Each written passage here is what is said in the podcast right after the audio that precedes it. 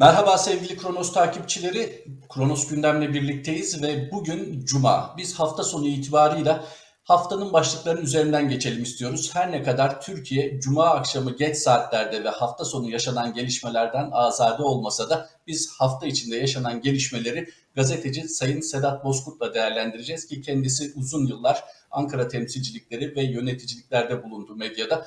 Dolayısıyla kıdemli, deneyimli bir isim. Sayın Bozkurt hoş geldiniz. Merhabalar, hoş bulduk. Herkese kolay gelsin.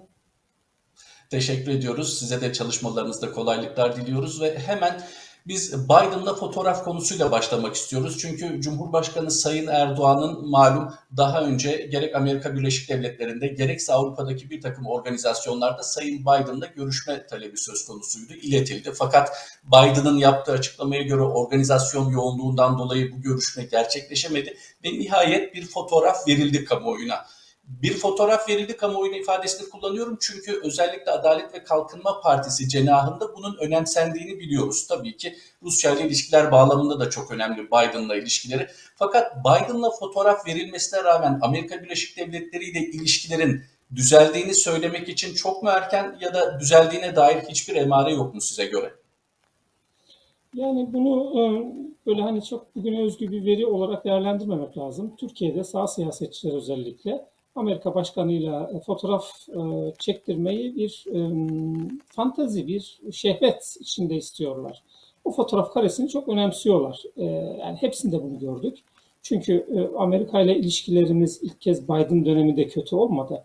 Obama'nın yani AK Parti dönemi itibariyle söylüyorum. Obama'nın ilk döneminde birazcık iyiydi. Çünkü o zaman işte Türkiye'nin iktidarın çizdiği rota AB'ye tam üyelik, hukuk devleti, rafine demokrasi e, işte komşularla ilişkiler e, yani Amerika'nın da Batı'nın da hoşlanabileceği bir e, rotaydı orası. O zaman kısmen biraz iyiydi ama ondan sonra biliyorsunuz işte beyzbol sopası da dahil olmak üzere muhtelif fotoğraf kareleriyle bir takım mesajlar verilmeye çalışıldı. Trump dönemi bence Türkiye ile Amerika'nın ilişkilerinin en kötü olduğu dönemdi. Yani Trump'ın kafa kol ilişkisiyle bir arkadaşlık edasıyla Recep Tayyip Erdoğan'la yaptığı görüşmeler yanıltıcı olmasın. O zaman da çok fotoğraf karemiz var ama aylarca da Trump'ın bizi arasın diye beklediğimiz dönemler de var. E, bunlar yani ülkelerde diplomasi açısından çok hoş tablolar değildir, çok hoş tespitler değildir. E şimdi Biden dönemindeki yani Biden döneminde ne bekliyorduk? Hani bir fotoğraf karesi ilişkileri kurtarır mı, kotarır mı? Bu tartışmayı bile gereksiz görürüm. Çünkü Obama'nın e, iki dönem yardımcılığını yaptı Biden ve Interland'ın da yani ilgi alanında Türkiye'de vardı, işte Orta Doğu'da vardı, Asya'nın bir kısmı vardı. E, o zaman da Türkiye'ye gidip geliyordu. O zaman da Türkiye'ye gidip geldiği zaman görüştüğü insanlara baktığınız zaman ki bugün hala ilişkilerini sürdürüyor insanlarla. İşte Can Dündar, Osman Kavala, Ayhan Bilgen, Bülent Arınç. E, sadece bu insanların bugün ne yaptığını e, sorduğu ve bunu öğrendiği zaman Türkiye ile ilgili ekstra bilgiye sahip olmasına gerek kalmıyor. O yüzden yani BM toplantısına gittiğimizde de koridorda bir fotoğraf karesine girmeyi e, planlıyorduk. Olmadı ama bu sefer yaptık. Gittik hatta görüştük. Bir saat 10 dakika görüştük ki bence e, iyi bir süredir. Bir saat 10 dakika. Ne görüştüğümüzden bağımsız olarak. Çünkü o fotoğraf karesine ihtiyacı var Türkiye'de siyasetçinin içeriye değil. E, çünkü o fotoğraf karesini vermediğimiz zaman BM toplantısından dönerken örneğin e, ABD'yi eleştirdik, Biden'ı eleştirdik, e, hem de ağır eleştirdik.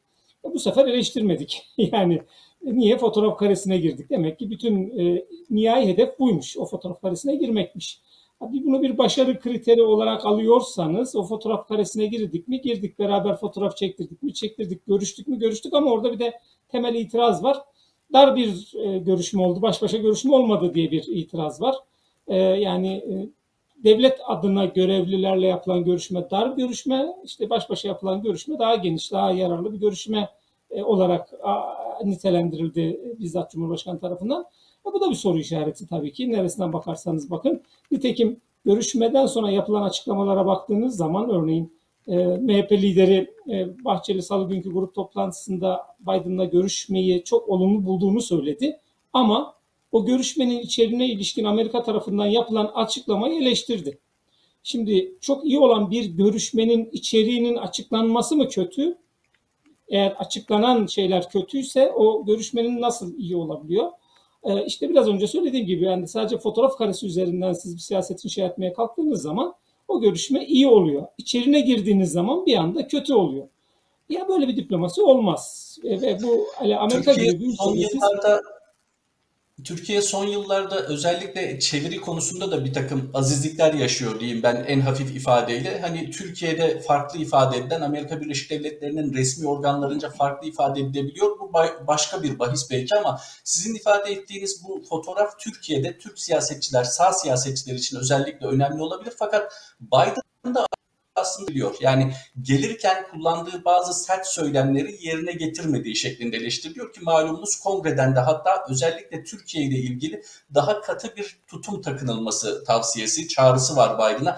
Bu konuda acaba siz Biden'ın e, biraz hani Türkiye'ye karşı da içeriye karşı Amerika Birleşik Devletleri'nin iç kamuoyuna karşı bir denge siyaseti güdeceğini mi düşünüyorsunuz? Ya da Trump gibi farklı yollar deneyebilir mi? Belli ki Türkiye ile ipler atılmayacak, atılamayacak. Ortada NATO gibi bir ilişki var. Türkiye her ne kadar Rusya ile ilişkileri zorlasa da Amerika Birleşik Devletleri ile ilişkilerde denge kurma adına e, Biden Türkiye üzerinden de zor günler yaşayacak gibi görünüyor. Ne dersiniz? Ya bu aslında çok ım, diplomasinin konusu. Hani bunu biraz daha uzmanlarıyla daha detaylı görüşmek daha sağlıklı olabilir ama ben bir gazeteci olarak bir e, fotoğraf okuması yapayım. E, bana göre Amerika Birleşik Devletleri başkanları Türkiye'deki 657 tabi devlet memurları gibidir. Sistemin onlara biçtiği rolü oynarlar. E, Trump bunu birazcık e, zorladı. Hepimiz tanıklık yaptık ama her seferinde o sınırlar içine çekildi. En sonunda da zaten onun içinden tutuldu, atıldı yani. E, çünkü o sisteme artık zarar vermeye başlamıştı Trump. E, hani pandemi olmasaydı muhtemelen ekonomik e, refahlamanın fa- artması nedeniyle Trump'ın bir kez daha seçilme ihtimali vardı. Bu sefer Amerika'da başka şeyler konuşacaktık biz. E, Trump bir dönem daha iktidarda kalsaydı o, o kurulu düzeni, kurulu nizamı ki Amerika sistem devletidir. Sonuçta 26-27 maddelik anayasasıyla 200 küsur yıldır e, idare eden bir ülke. E, büyük de bir ülke. E, varlığını da işte dünyanın muhtelif yerlerinde kendi ürettiği ürünleri savaşta dahil olmak üzere söylüyorum. Pazarlamaya borçlu bir ülke. E, şimdi e, Amerika'da şöyle bir hayat yok. Sabah e, kalkıyorlar akşama kadar Türkiye'yi konuşuyorlar. Akşam yatarken gene Türkiye'yi konuşuyorlar. Öyle bir hayat yok. Yani onların ajandaları çok farklı, gündemleri çok farklı. Türkiye gibi kendi dış politikalarındaki detay ama önemli bir detay pek çok ülke var. Yani örneğin şimdi İran'da düşünüyorlar. Bence e, ana başlıkları İsrail'dir her zaman Orta Doğu gündeme geldiği zaman. E, İsrail'i konuşurken e, Türkiye bir detay olarak gündeme gelir. İran detay olarak gündeme gelir, gelebilir. Nitekim şimdi içi de karışmış çünkü bir Orta Doğu'daki bir operasyon e, döneminin e, döneminden geçtik. Tortuları var orada. Rusya orada alan kazandı. İran orada alan kazandı.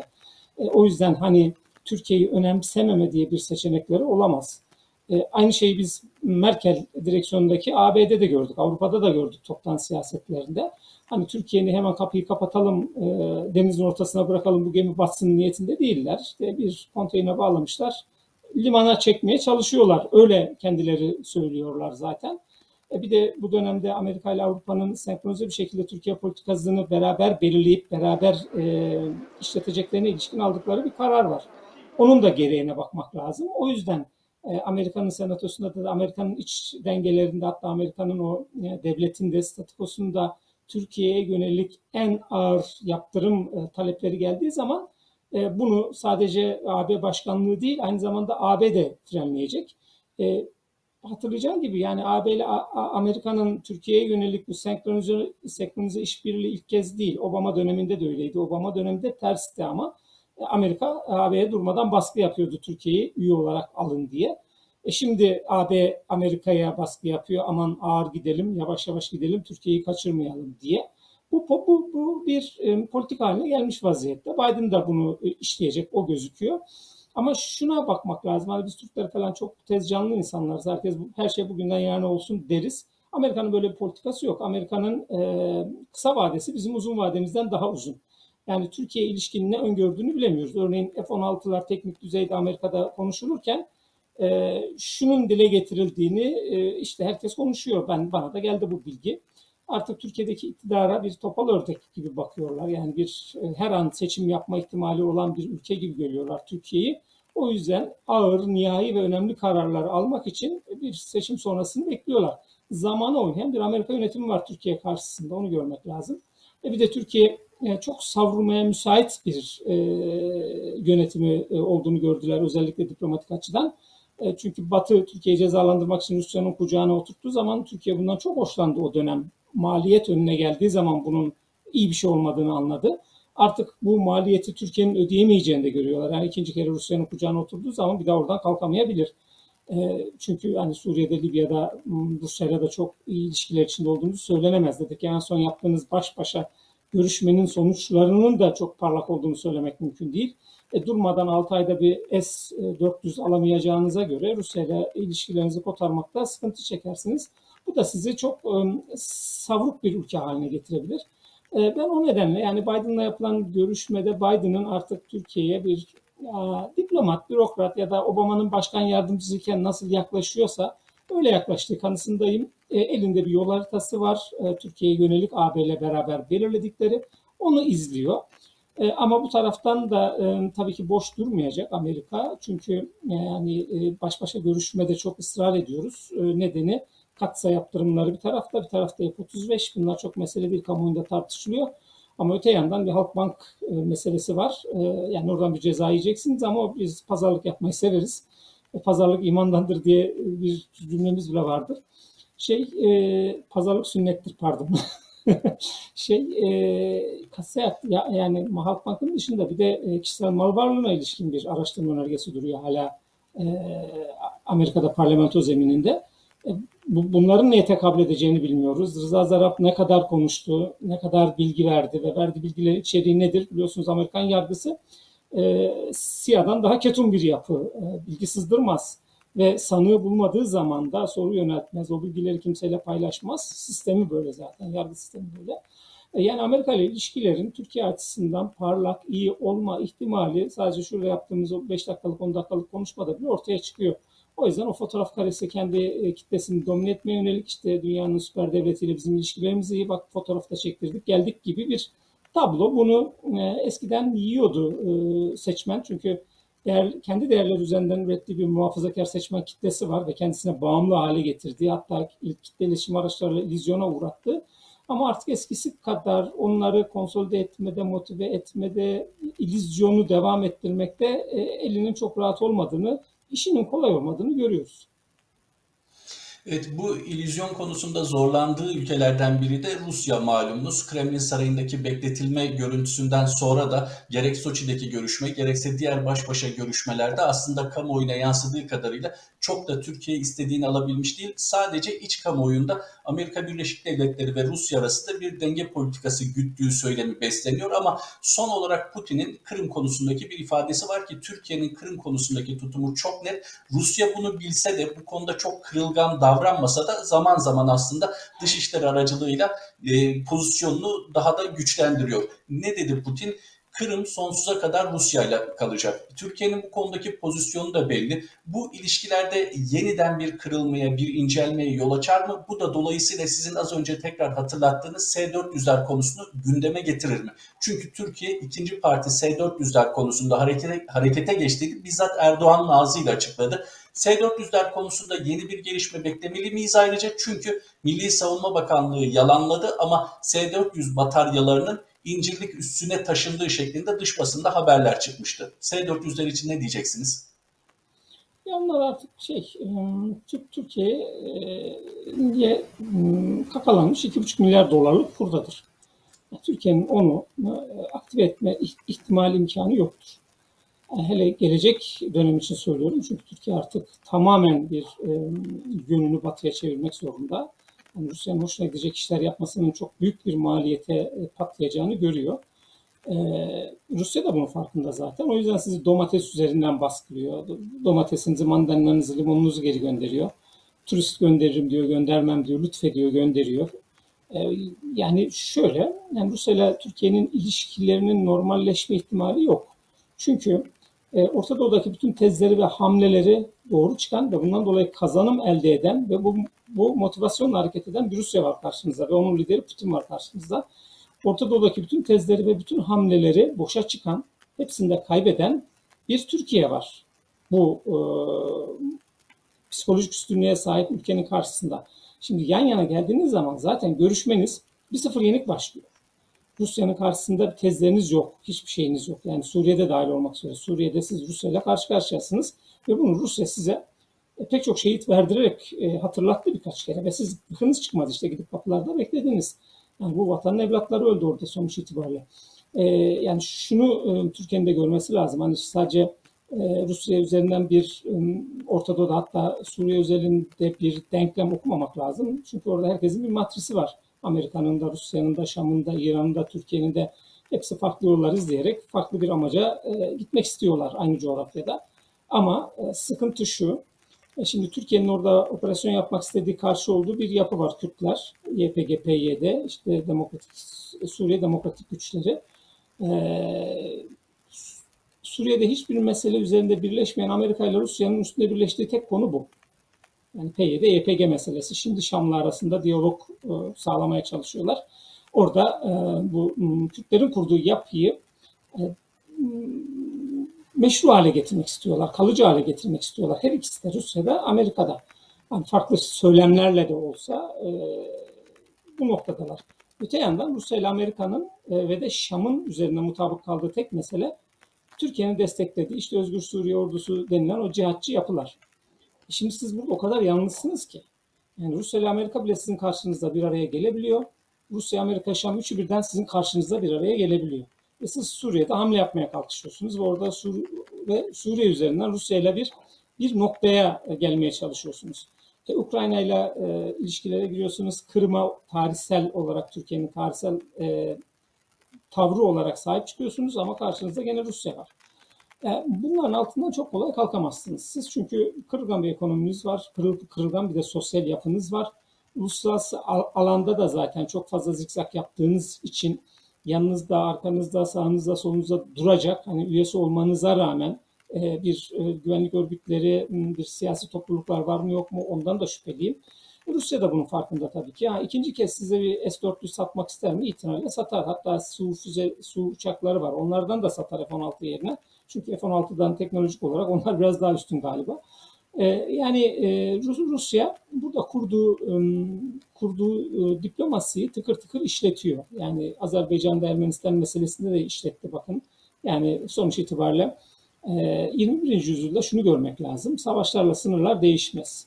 Ermenistan, Ermenistan bile değildi o zaman. Rus ordusu geldi, Karabağ'ı aldı, Ermenistan'a verdi, gitti. 20 yıl aradan sonra Rusya Azerbaycan'ın önünü açtı. Karabağ'ın bir kısmını Azerbaycan'a geri verdi. Orada durdurttu. Orada da bir oynadı. Orada da bir e, egemenliğini, hükümranlığını herkese test ettirdi ve hakim olduğunu gösterdi. E şimdi Türkiye oralarda yok. Yani orada masalar kurulduğu zaman e, Türkiye'yi orada görmüyorsunuz. E şimdi hani Rusya ile çok böyle e, nükleer santral yaptırıyoruz, S-400 aldık, bir paket daha alırız meselesi gerçekten ciddiye alınsa ya da bu, bu yöntemde yol alınabilseydi bugün Rusya ile Türkiye'nin ilişkileri çok daha farklı olurdu. Yani Putin'le e, Erdoğan geçmiş dönemlerde olduğu gibi ayda bir kez bir araya gelirlerdi, birbirlerine dondurma ısmarlarlardı, çay kahve içerlerdi. Öyle değil. Oradan da sıkışmış vaziyette. Yani Türkiye böyle batıdan kaçacağı zaman sığınacağı bir liman değil Rusya. Öyle Asya hiç değil. Ee, yani ben de böyle görüyorum Rusya'daki Rusya'nın Rusya ile Türkiye arasındaki ilişkileri ve çok fazla hani eskisi gibi böyle rutine bağlı bir ilişkinin ilişkiye düşeceğini de zamanla e, öngörüyorum. E, öyle olması da gerekiyor gördüğüm kadarıyla. Çünkü ikinci nükleer santrali yap diye de gittik. Muhtemelen ona da bir olumlu yanıt alamadık. E, yani bu bir sıkışmışlığın göstergesi. Yani daha büyük zararlardan kurtulmak için S-400 alımı dahil yine yeni tavizler verilebilir. Taviz diyoruz çünkü sizin de belirttiğiniz gibi birinci S-400'ü kullanma ihtimali kalmadı. Belki de artık kurdu olduğunu ilan etmek lazım. Çünkü üçüncü bir ülkeye devri de problemli. Daha önce çünkü Yunanistan ve Kıbrıs örneği ortada. E, Türkiye'nin bu konuda ne yapacağını tabii önümüzdeki günlerde göreceğiz. Ne yapamayacağını da çünkü e, şimdi dış politikadan içeriye dönmek için Glasgow İklim Zirvesi'ni gündeme getirelim. Son derece önemli çünkü Türkiye'nin özellikle temsil noktasında ki Sayın Cumhurbaşkanı'nın verdiği bir mülakat vardı hatırlayacaksınız. Hani ülkeyi tanıtıyoruz tanımayan yerlerde de diye. Elbette bir yönetici olarak böyle bir hedefinin olması gayet makul. Fakat bunun için en iyi ortamlardan biriydi Glasgow İklim Zirvesi. Her ne kadar Putin katılmasa da önemli katılımlar, üst düzey katılımlar söz konusuydu. Sayın Erdoğan güvenlik nedeniyle mi? Hani böyle bir açıklama vardı. Güvenlik nedeniyle mi katılmadı? Ki duyumlarınız olabilir. Acaba gerçekten ciddi bir sağlık sorunu nedeniyle mi katılmadı? Ya da biz Biden'la gereken fotoğrafı verdik. Artık Glasgow'a gitmeye gerek yok mu denildi. Sizin kanaatiniz nedir bu konuda? Ya üçü de doğru olabilir. Çünkü üçü de yoruma açık, üçü de yorum. Neden bu yorumu yapıyoruz? Bir yetkilinin çıkıp bize bunu net bir şekilde söylemesi lazım. Yani sağlık meselesiyle ilgili doktoru çıkıp bilimsel bir açıklamada bulunması lazım. Yani işte insan insan hastalanır. Yani hasta olmayan bir insan henüz icat edilmedi. E, tıp bilimi bunun için uğraşıyor binlerce yıldır hem de yani. E, sağlıksa sağlıktır. Çok insani bir şeydir. Herkes bilir. E, güvenlik meselesi ise bu birazcık sıkıntılı çünkü e, Amerika Başkanlığı'nın e, standartında bir talebimiz olmuş. E, hani isteyebilir misiniz bunu? İsteyebilirsiniz ama olsa dükkan senin derler insana. Nitekim öyle dediler görüldüğü kadarıyla. E, Glasgow küçük bir yer sonuç itibariyle. Yani Amerikan bir başkanlığıyla aynı derecede siz e, bir koruma önlemi isterseniz hani buna İngilizler, batıdaki insanların tamamı gülümserler. O kadar. yani e, bir de hani Peki o, şu duyumla ilgili şöyle bir duyum vardı malumunuz. E, Sayın Cumhurbaşkanı belki güvenlik nedeniyle ama özel zırhlı aracını deniz aşırı da, okyanus aşırı da taşıyor, taşıyabiliyor yanında. Yine böyle ciddi bir zırhlı konvoy talebi olduğu, bunun kabul edilmediği şeklinde de bir söylenti var. Bu da sizce bir dördüncü ihtimal olarak yoruma açık mı?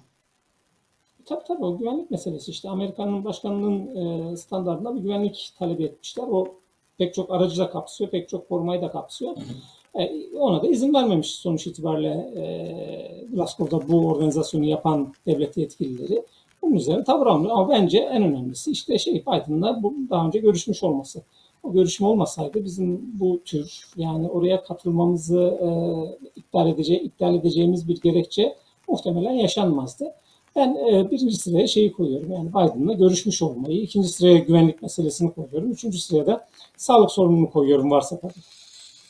O halde sağlıkla devam edelim. Çünkü belirttiğiniz gibi gayet insani bir durum. Herhangi birimiz rahatsızlandığımızda ancak yakınlarımız üzülmesin diye belki bir müddet gizleriz. Fakat Cumhurbaşkanıysanız, Cumhurbaşkanı olmasanız bile devlet yönetiminde söz sahibi biriyseniz yani sizin sağlığınız büyük bir toplumu ilgilendiriyorsa burada dediğiniz gibi bilimsel açıklamalara ihtiyaç vardır. Hani Amerika Birleşik Devletleri'nden örnek verdik birkaçtır. Yine onu hatırlatalım. Amerika Birleşik Devletleri'nde Beyaz Saray'ın resmi sitesi üzerinde başkanın sağlık durumu ile ilgili güncel bilgilendirmeler yapılırken neden acaba iletişim başkanlığı başta olmak üzere mevcut iktidar Sayın Cumhurbaşkanı'nın sağlık durumunu açıklamaktan imtina ediyor da bir takım tartışmalı hatta alınmasınlar ama komik e, algı e, çabalarına giriyorlar sizce?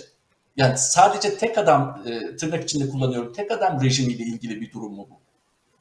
Ya bu yani bizim gibi az gelişmiş ülkelerde siyasetçiyi birazcık e, mit haline dönüştürmek, kutsal bir e, varlık haline dönüştürmek yatıyor kökeninde galiba. Sadece bizim ülkemizde yaşanmadı. Daha önce de yaşandı. Dediğim gibi Ecevit zamanında da kısmen böyle şeyler yaşıyorduk. Yani Ecevit'te yaş ilerlemesi vardı. Kemik erimesi vardı. E, muhtelif sıkıntılar vardı. Çok normaldi bu sıkıntılar ama onlar o dönem bile gizlendi. Ecevit döneminde bile gizlendi. Niye? İşte iktidara, hükümete bir e, zafiyet yaşatmasın diye ama daha büyük zafiyetler yaşattılar. Ve şimdi Erdoğan'ın muhtelif sağlık sorunları olduğunu biliyoruz. İşte bir e, Ankara'da Güven Hastanesi'nin önünde makam aracının içinde kilitli kalmıştı. Hatta camını kırmak için kullanılan balyoz daha sonra parayla falan satıldı. Ee, bağırsakla ilgili sorun olduğunu biliyoruz. Bir operasyon geçirdiğini biliyoruz. Detay bilmiyoruz. E, bel fıtığına ilişkin bir e, sorunu olduğunu biliyoruz. Ama bir iki ay önce bir basket maçına ilişkin bir görüntüsü paylaşıldı. E, sağlık sorunları var. Çok da normal. Hepimizin var. Hangimizin yok ki? E, ama sıkıntı şu, siz bu ülkeyi yönetiyorsunuz ve bu ülkeye Recep Tayyip Erdoğan bizzat kendisi öyle bir kurguladı ki devlet yönetimini e, Allah korusun kendisine bir şey olduğu zaman bu devlet yönetilemez, kitlenir. Çünkü niye? Bütün bürokratları e, üst düzey bakanlar da dahil olmak üzere söylüyorum, Cumhurbaşkanı yardımcısı da dahil olmak üzere söylüyorum. Bunlar tamamı bürokrat. Bürokratların tamamını kendine mutlak bağlı insanlardan oluşturdu ve bu bürokratların tamamı Recep Tayyip Erdoğan'dan gelen talimat ya da talepleri yerine getiriyorlar. Bunun dışında o bürokratları bağlayan hiçbir şey yok. Yani yazılı metinler, anayasa, yasa, yönetmelikler önemli değil. Şimdi buradan Erdoğan'ı aldığınız zaman bu bürokratların tamamı açıkta kalacak. Yani ne yapacaklarını bilemeyecekler. Ha bizim görevimiz neydi, ne yapmamız gerekir diye kitapları karıştırmazlar. Çünkü onların da oradaki varlıklarının nedeni bizzat Recep Tayyip Erdoğan'ın varlığı. iktidardaki varlığı, Cumhurbaşkanlığı makamındaki varlığı. Yani böyle bir devlet kurgusu var. Bu nedenle çok önemli. Yani Cumhurbaşkanının sağlığı hani Amerika'da da çok önemlidir ama sen söyledin. İşte sağlık raporlarını orada açıklıyorlar ama orada işleyen tıkır tıkır işleyen bir devlet sistemi var. Ben hatırlıyorum Trump'ın akıl sağlığına ilişkin raporunu bizzat doktorunun kendisi, Trump'ın doktorunun kendisi açıklamıştı hiçbir komplekse girmeden. E çünkü niye? Amerikan halkına e, bunu söylemek zorundalar. Amerikan halkının kendini güvende hissetmesi lazım. Sağlıklı bir başkan tarafından yönetiliyorum. Her anlamda sağlıklı. E, siz de bir e, yani işte bel fıtığı dediğiniz aslında hastalık bile değil. İşte insanın insandaki bir e, rahatsızlık. E, tedavisi de çok fazla mümkün değil. Sadece işte harekete hareketlerinizi kısıtlamanıza neden oluyor. Yürümenizi kısıtlamanıza neden oluyor falan. Çok rahat insanlarla paylaşılabilir bir şeydir bu. Ee, bunları yapmadığınız zaman işte bir anda bu söylentilerle ülkenizdeki borsa çakılıyor. İşte bir anda döviz yükseliyor. Yani ekonominiz biraz önce söylemiştim kırılgan zaten. Ee, bunlar da tuz gerekiyor oralara bir e, ivme kazandırıyor. Bir anda ülke olarak siz fakirleşiyorsunuz.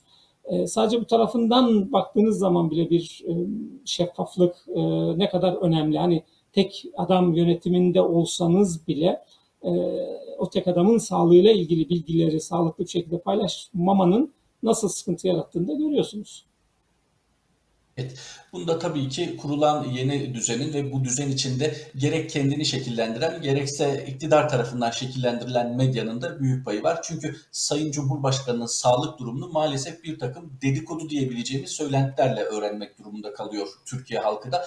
Peki buradan Millet İttifakı'na geçelim. Çünkü Sayın Cumhurbaşkanı'nın sağlık durumuyla ilgili politika üretmek istemediklerini kendileri söylüyorlar. Gayet insani bir durum. Belirttiğiniz gibi bir sağlık sorunudur ve bunun üzerine politika inşa edilmez edilmez ama Cumhurbaşkanı ise söz konusu olan onun muhtemel bir sağlık problemi nedeniyle bir boşluk yaşanacaksa yeni sistemde aslında Türkiye Büyük Millet Meclisi Başkanı da e, yerine bakmayacağına göre Cumhurbaşkanı Yardımcısı Sayın Oktay gündeme gelecek. Ama dikkat edersek bu konuda kamuoyunun ne çok ilgisi var bilgilendirilmediği için ne de bilgisi var acaba yeni sistemde işleyiş nasıl hepimiz bunu kitaba bakarak öğreneceğiz. Bunun için aslında Sayın Cumhurbaşkanı ile ilgili İletişim Başkanlığı'nın daha net ve dediğiniz gibi bilimsel açıklamalarda bulunması lazım. Bu borsa dahil tüm spekülatif alanları daha stabil hale getirebilecektir ama nedense böyle bir tercihleri var. Nasıl devam edecekler göreceğiz. Fakat Millet İttifakı'nın vites yükselttiğini söylemek mümkün. Gerek Sayın Kılıçdaroğlu gerekse Sayın Akşener artık ciddi ses getiren açıklamalarda bulunuyorlar. Sayın Kılıçdaroğlu ile başlayalım.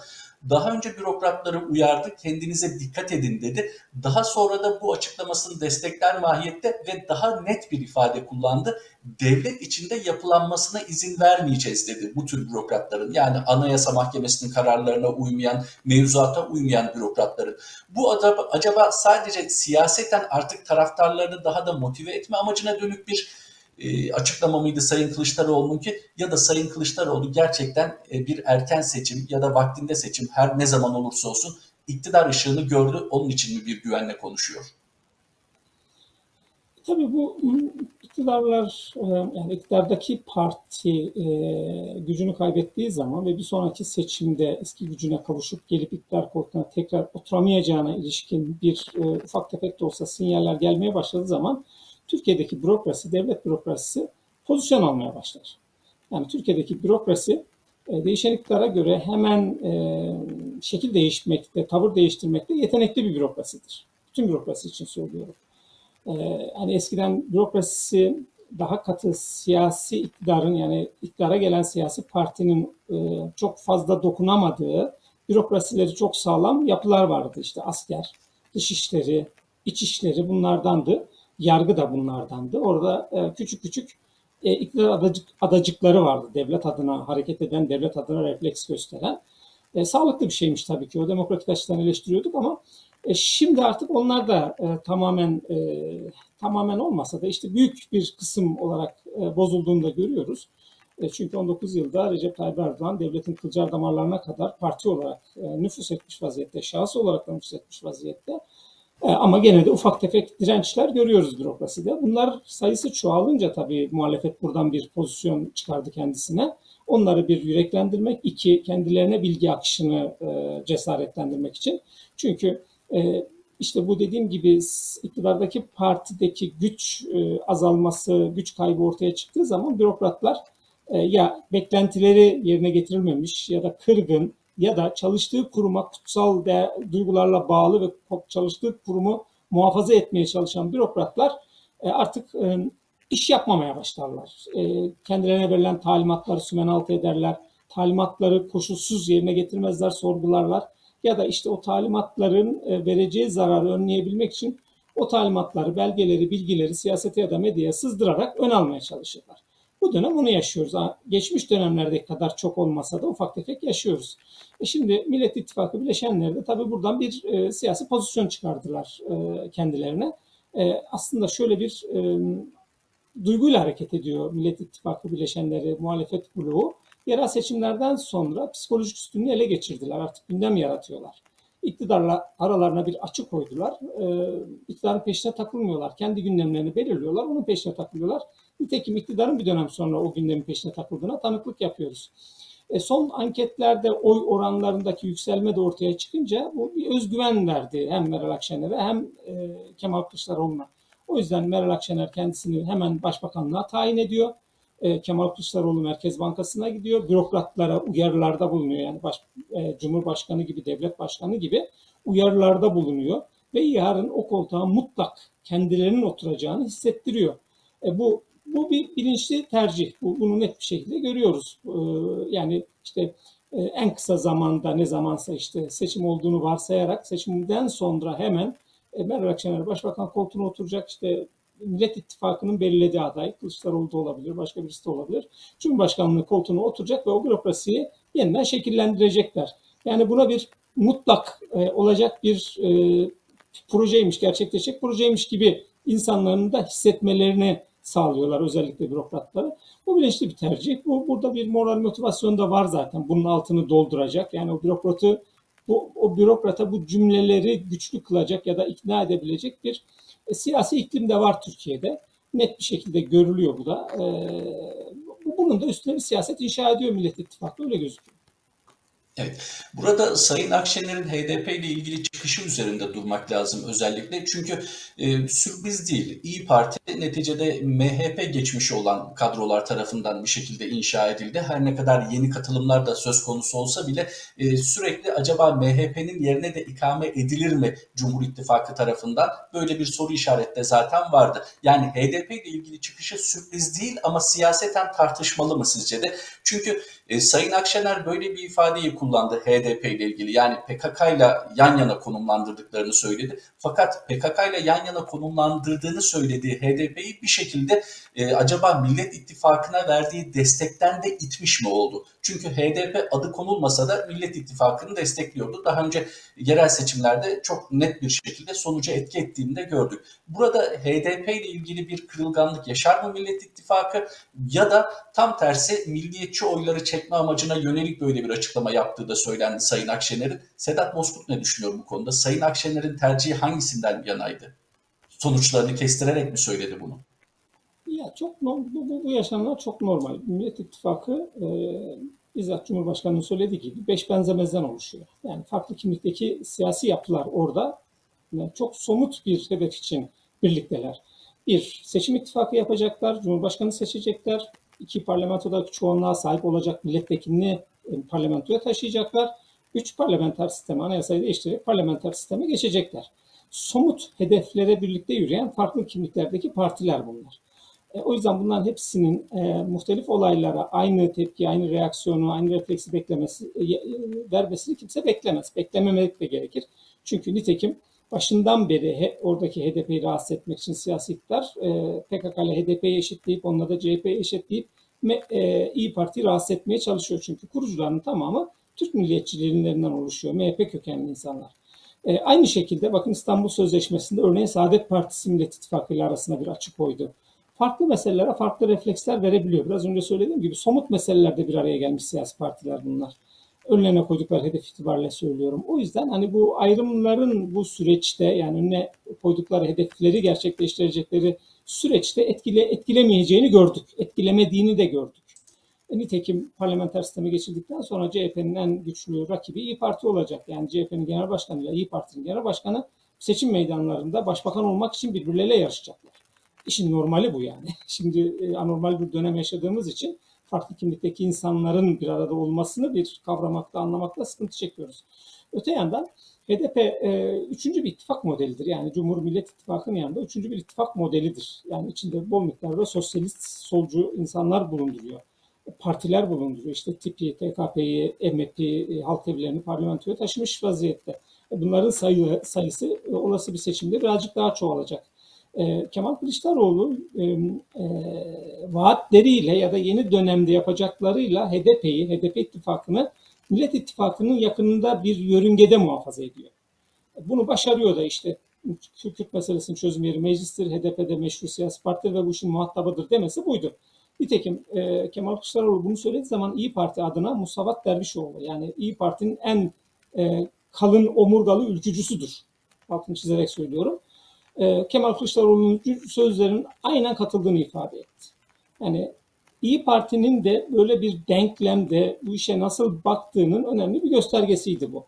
Ha, onun dışında şunu unutmamak lazım. Yani Meral Akşener e, MHP'den kopardığı kitleyle oluşturduğu sağdan soldan da merkez sağdan da takviye ettiği partisini bugün merkez sağ siyaset yörüngesine oturtmuş vaziyettedir.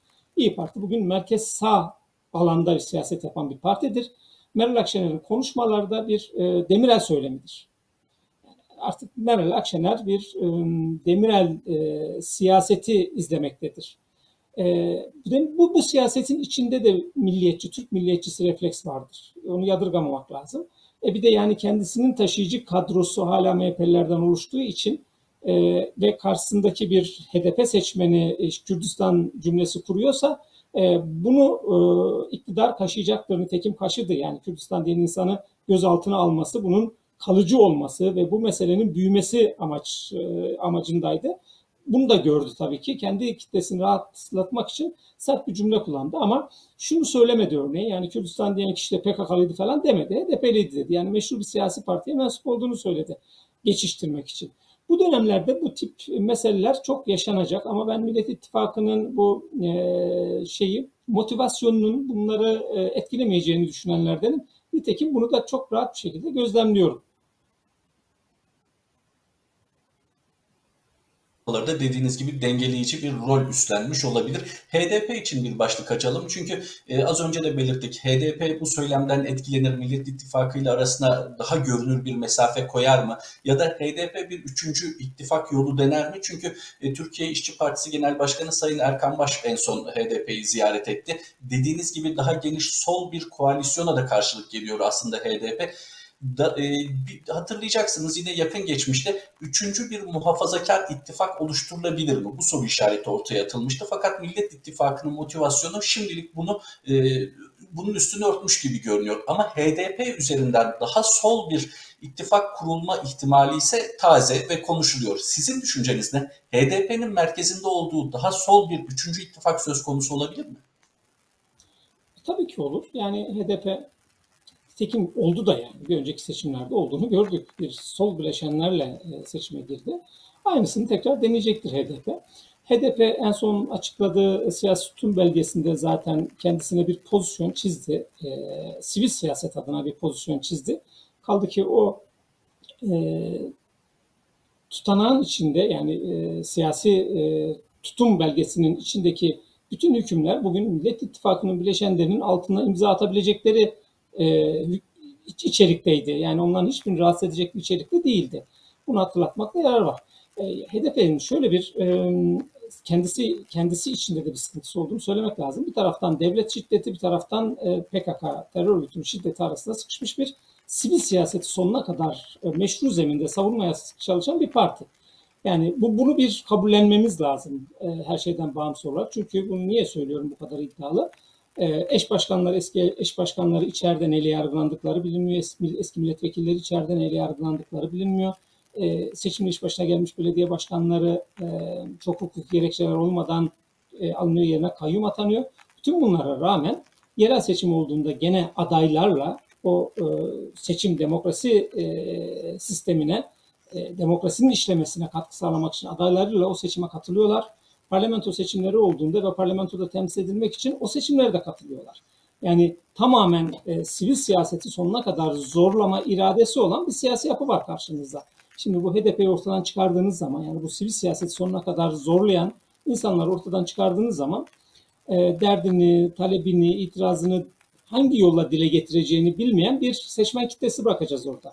E, bunların sayısı 6-7 milyon. 6-7 milyon seçmenden oy alan bir siyasi yapıyı siz böyle çok fazla itip kalkmamanız lazım. E, nitekim e, Kemal Kılıçdaroğlu'nda bunu görüyoruz. Hani e, daha HDP'nin de içinde yer aldığı bir ittifak modelinden söz ediliyor. Bu çok e, kolay olmadığını görmelerine rağmen ya da işte parlamentoda altı e, partinin temsilcisiyle yapılan parlamenter sisteme geçiş yönelik anayasa çalışmalarına niye HDP'nin dahil edilmediği de eleştiriliyor. Ama çünkü burada işte biraz önce söylemiştim elindeki medya gücüyle ve devlet gücüyle e, siyasetini belirleyen, siyaseti bizzat onunla yapan bir siyasi iktidar var. E, ufak bir koz verdiğiniz zaman, nitekim işte Meral Akşener'in son dönem yaşadığı da dahil olmak üzere söylüyorum, üstünüze çullanabiliyor ve bu, bu mesele üzerinden bir e, hassasiyeti e, çok yükseltilmiş toplumsal yapınız var. Seçmen kitleniz var. Onlar da etkileniyor.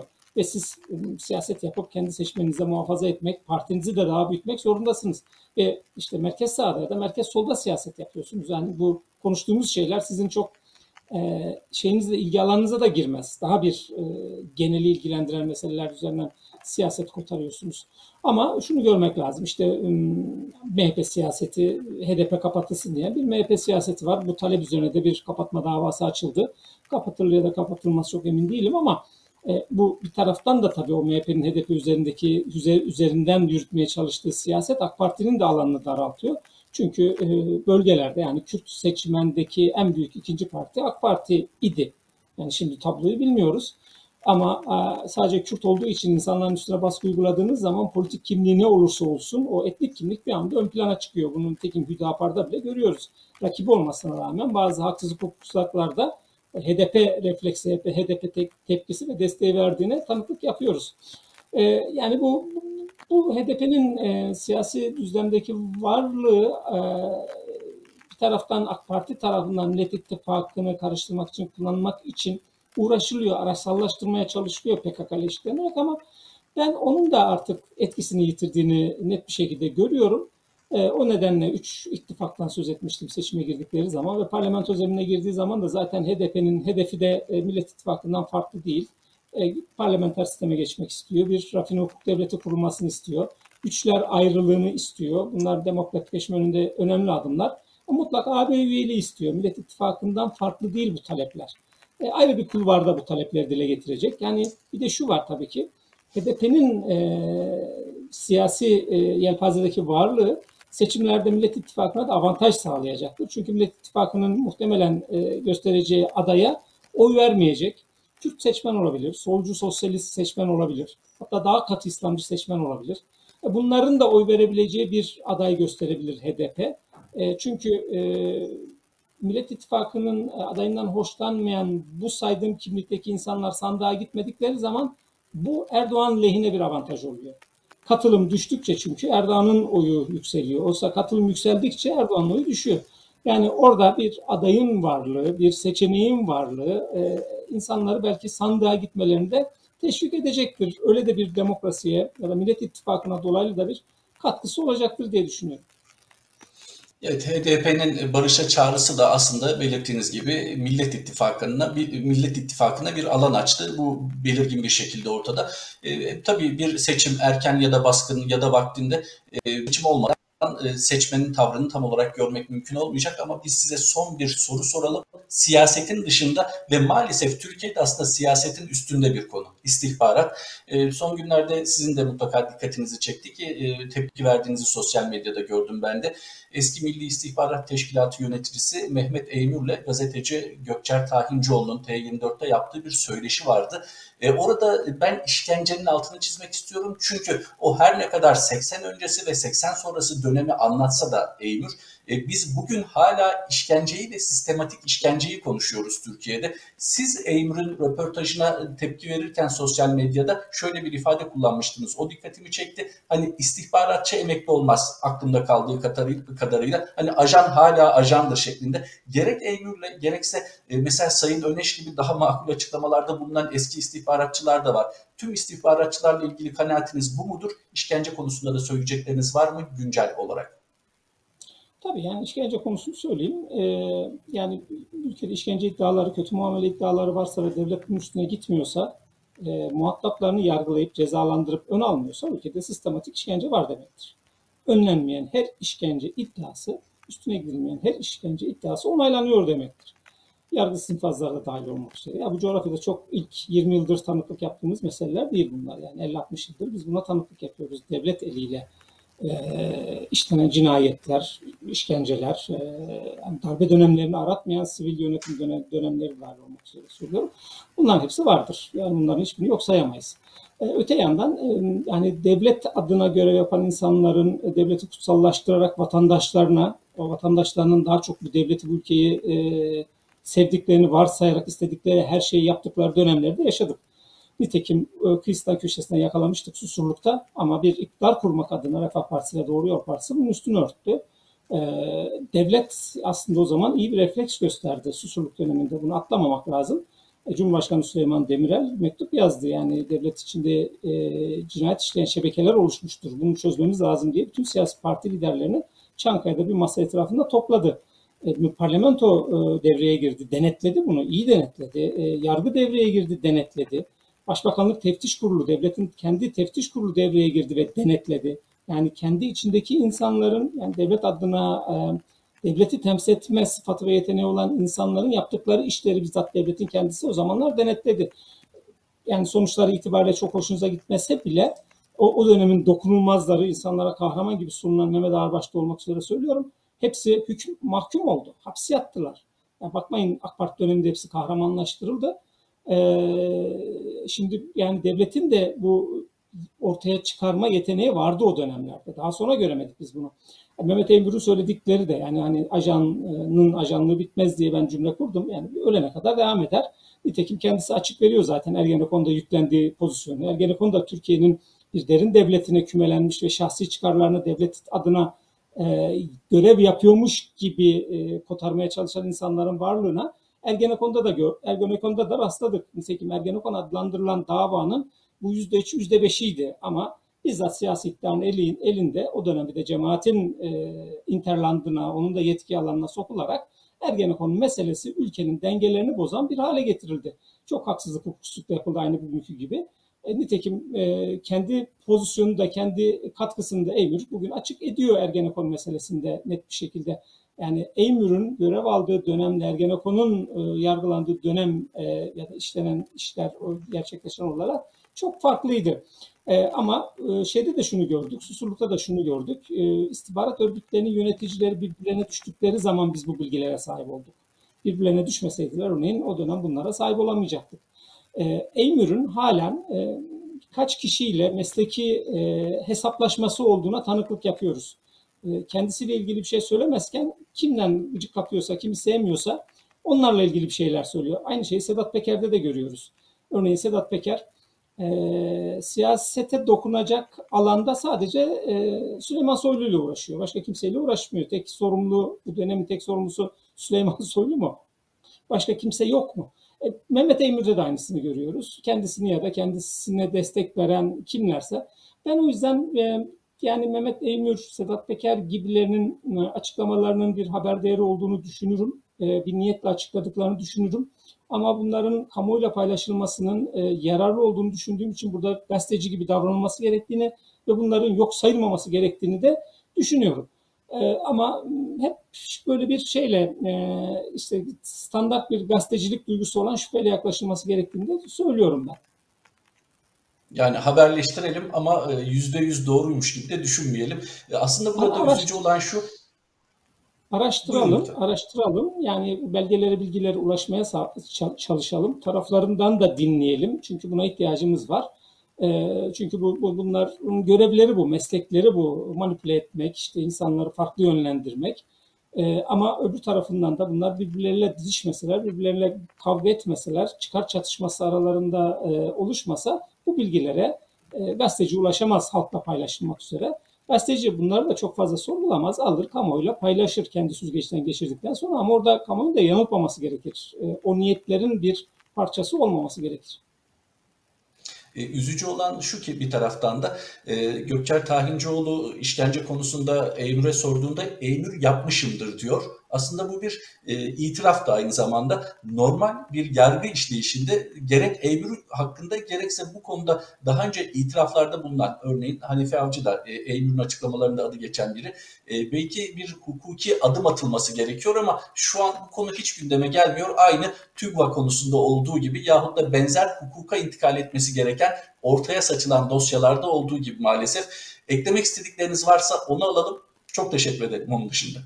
E, Tabii şunu, şunu söylemek lazım. Böyle denetlenemeyen, şeffaf bir hukuk devleti olmadığınız zaman devlet adına suç işlediğini söyleyen insanları yargılamazsınız. Çünkü devlet her zaman kendi adına suç işleyecek insanlara ihtiyaç duyuyor.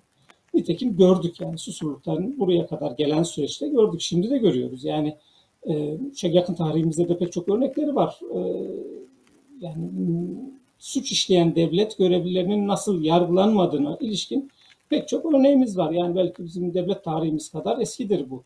E, şimdi de aynısının, aynı niyetin geçerli olduğunu görüyoruz. İşte Mehmet Eymür de başına bir şey gelmeyeceğini bildiği için çıkıp ben de işkence yaptım diyebiliyor. E, başka bir ülkede bunun olması mümkün mü? İşte geçenlerde bir görüntüydü galiba Nazi kamplarında, toplama kamplarında görev almış 90 küsur yaşındaki insanın sanık sandalyeye oturmuş haliydi. E, Türkiye'de o fotoğraf karesini vermediğiniz sürece devlet adına e, suç işleyen ya da devlet adına bir görev yaptığını farz ederek kendisi için e, bir menfaat sağlamaya çalışan devlet görevlilerine ya da eski devlet görevlilerine tanıklık yapmaya devam edeceğiz. Sayın Bozkurt çok teşekkür ediyoruz değerlendirmeleriniz için. Çalışmalarınızda kolaylıklar diliyoruz. Teşekkürler. Sizlere de kolay gelsin. Hoşçakalın. Sağ olun. Sevgili Kronos takipçileri, Kronos Gündem'de konuğumuz gazeteci Sayın Sedat Bozkurt'tu. Kronos Gündem'de tekrar buluşmak üzere. Hoşçakalın.